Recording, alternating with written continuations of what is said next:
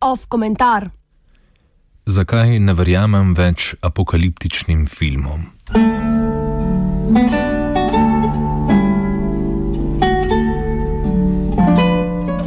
Cenjeno poslušalstvo.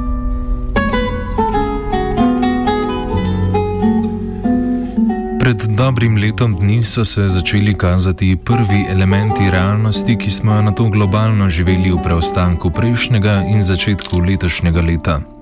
Dobivali smo prva poročila o situaciji v Italiji in se ob njih muzali, da bo morda za par tednov celo zaprta meja sosednjo državo.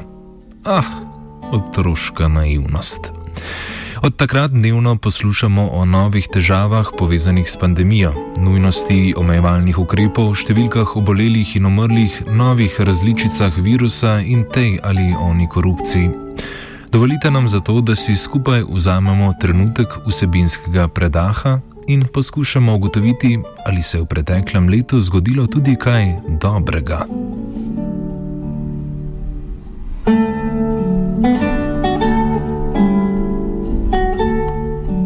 Nikoli ne zapravi dobre krize.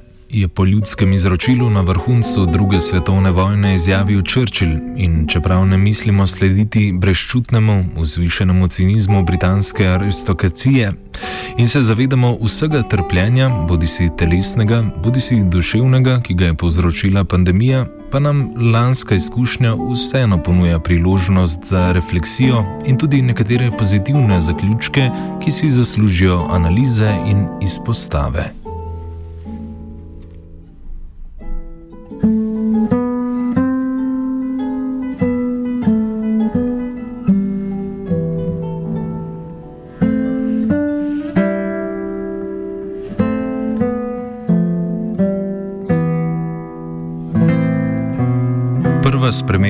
Ki ste jo na lastni koži gotovo začutili tudi poslušalci, je občutna digitalizacija družbenega dogajanja. Zdi se, da je epidemija porušila nekakšen zid ali jez, ki je celo kopico interakcij zadrževal v analognem svetu. Skupina dejavnosti, ki so jih prej v digitalni sferi opravljale pretežno mlajše generacije, se je morala prilagoditi in digitalizirati. Čeprav je to za vse nas prineslo goro preglavic in odkrivanja povsem nove družine birokratskih nesmislov, ki jih v svoji goreči vnemi virsko zagovarjajo različni programeri in razvijalci, pa je trend lahko izrazito pozitiven.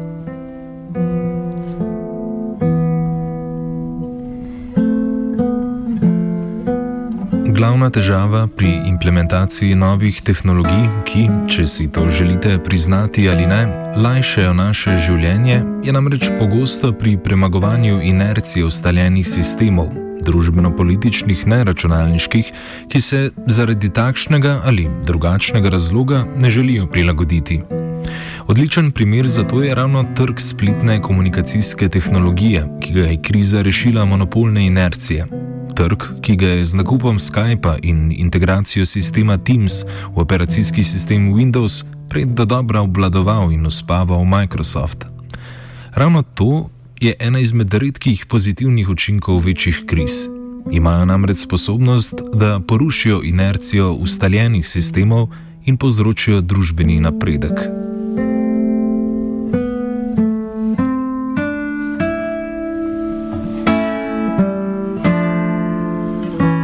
Nikjer ni bilo te, tako digitalne kot sistemske spremembe, čutiti bolj kot v svetu zaposlitve in dela. Kar naenkrat smo skupaj ugotovili, da lahko večji delež služb opravljamo od doma nadaljavo. Še več kot to, ugotovili smo, da za to, razen manjših tehnoloških adaptacij, ni bilo treba storiti praktično ničesar. V nekaj mesecih smo kolektivno pod pritiskom nuje in izgube, oh, tako pomembne letne bilance podjetja, nadoknadili 20 let zaostanka pri digitalizaciji delovnih mest in modernizaciji gospodarstva. Kje je bil torej prej problem? V tehnologiji, zaposlenih in naravi trga dela? Ne.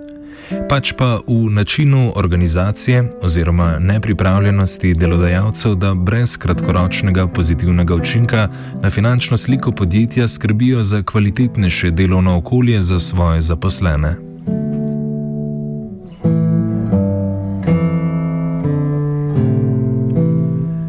Nič tehnološkega se ni tako drastično spremenilo v začetku leta 2020. Vsa tehnologija je bila na voljo že prej. Težko je verjeti, da bi delovstvo nasprotovalo odpravi vožnje na nepotrebne sestanke ali zmanjšanju števila ur v pisarnah. Tudi narava zaposlitev in struktura trga dela se ni tako drastično spremenila, da bi pojasnila radikalne spremembe. Edina sprememba, ki jo je kriza povzročila, je sprememba v pogajalskem izhodišču in situaciji podjetij in delodajalcev, ki so prisiljeni v spremembe, kar naenkrat odkrili svojo izgubljeno inovativnost pri zagotavljanju alternativnih delovnih okolij.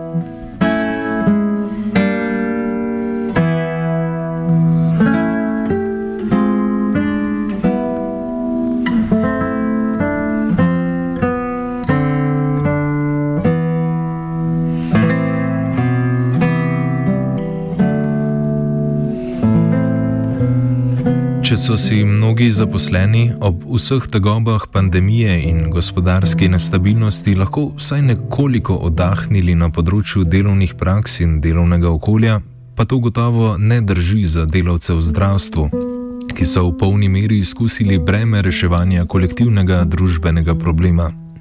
Hipoma je javno zdravje in stabilnost javnega zdravstvenega sistema postalo ne le samoumevno, ampak ključnega pomena.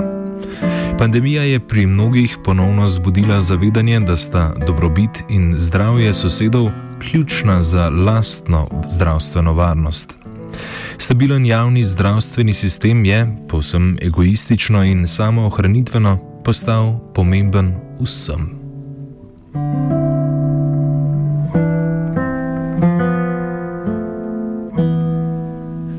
Napredek smo, po nesreči kot namenoma, to je treba priznati, dosegli tudi v boju proti podnebnim spremembam. Že celo leto lahko v mestih, kadar si seveda upamo ven, dihamo čistejši zrak, spremljamo spremembe državnih energetskih načrtov in ustavitve širjen letališč. Gledamo živali, ki se vračajo v svoje naravne habitate ob momentalni odsotnosti človeka in podobne, bolj ali manj vsebinske in trajne učinke upočasnitve globalne potrošnje. A ponovno se poraja vprašanje, katere od teh sprememb je bilo tako težko upeljati, da tega nismo storili že prej? Je bilo res tako težko opustiti nekatere škodljive navade? Je res nujno, da se za vsako malenkost peljemo na sestanke z avtom.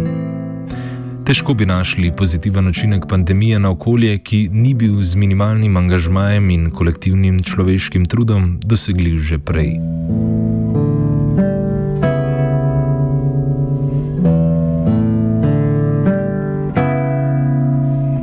Nobena od teh sprememb, seveda v izolaciji, sama po sebi ni nujno pozitivna. Spremembe v delovnem okolju bi lahko šle na škodo dosežkov sindikalnega gibanja prejšnjega stoletja in vodile v prekarnost. Naučeno o pomembnosti učinkovitega zdrave, zdravstvenega sistema bi lahko hitro pozabili in podnebnih sprememb tudi nismo ustavili. A pandemija nam je pokazala, da ne gre za tehnološke ali materialne težave, marveč za vprašanje družbene in politične ureditve ter naše pripravljenosti, da težave rešimo. Hkrati pa nam je pokazala še nekaj veliko pomembnejšega, prav na področju politične volje do pozitivnih sprememb.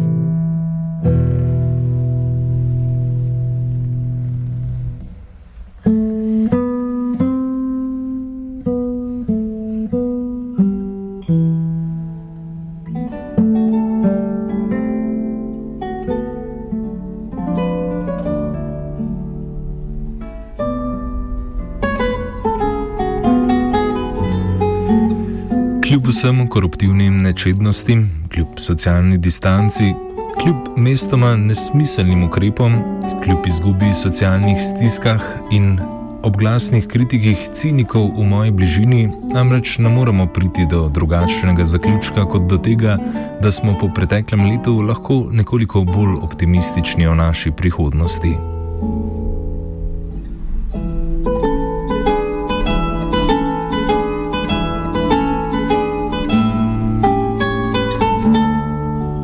Glede na vse teoretike zaroti in zanikovalce učinkovitosti mask in cepiv, se je velika večina ljudi namreč obnašala izjemno solidarno.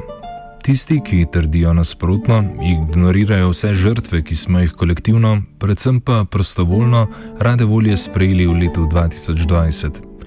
Nismo se družili, nismo po nepotrebnem hodili na obiske. Nismo hodili na nam tako ljuba potovanja, poskrbeli smo za ranljive, se odpovedali svojim pravicam, da bi lahko zaezili širjenje okužbe in tako dalje. Vsi vladni ukrepi in prizadevanja stroke so delovali izključno in zgolj zato, ker se jih je večina ljudi v državi solidarnostno držalo. Prevečkrat se v razpravi o učinkovitosti in delovanju ukrepov pozablja na tiho večino, ki ukrepe brez negodovanja in upiranja sprejela in z mislijo na dobrobit sočloveka spoštovala.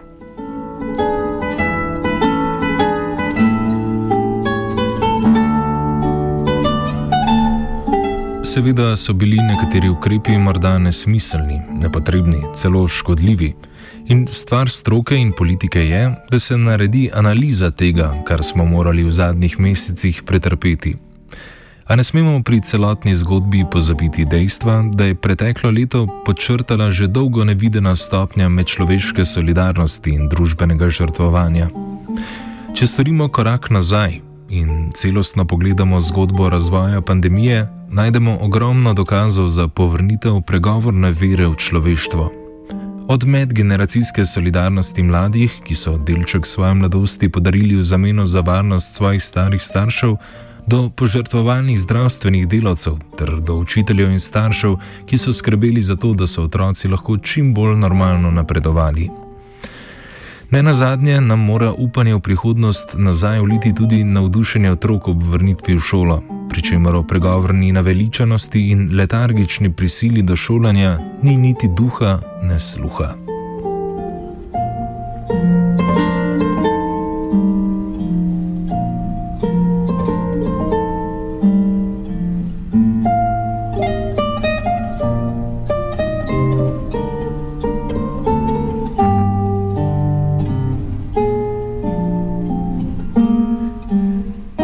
Vsem težavam, socialnim stiskam in trpljenju, ki si seveda zaslužijo vso pozornost in sredstva, ki jih kot družba premoremo, nas lahko preteklo leto vseeno navdaja z nekim hitsnim optimizmom o naši prihodnosti.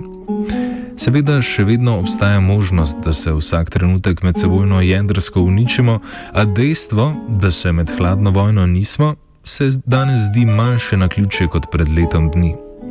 Težko se je znebiti občutka, da v dejanskih krizah in državah človeštvo še vedno stopi skupaj in si pomaga.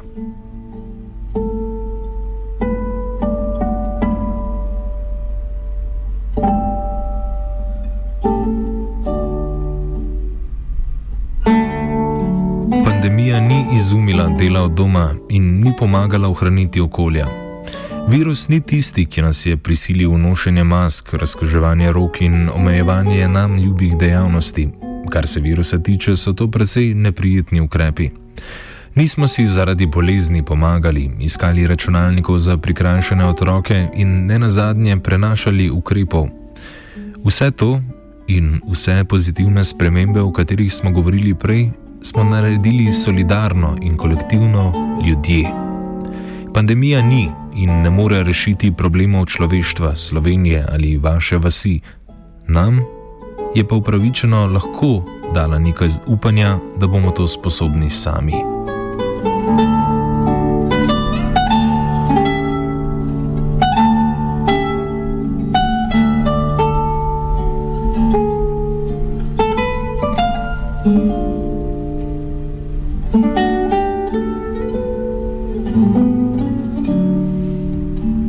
Redakcijskemu cinizmu se je uprl koruza.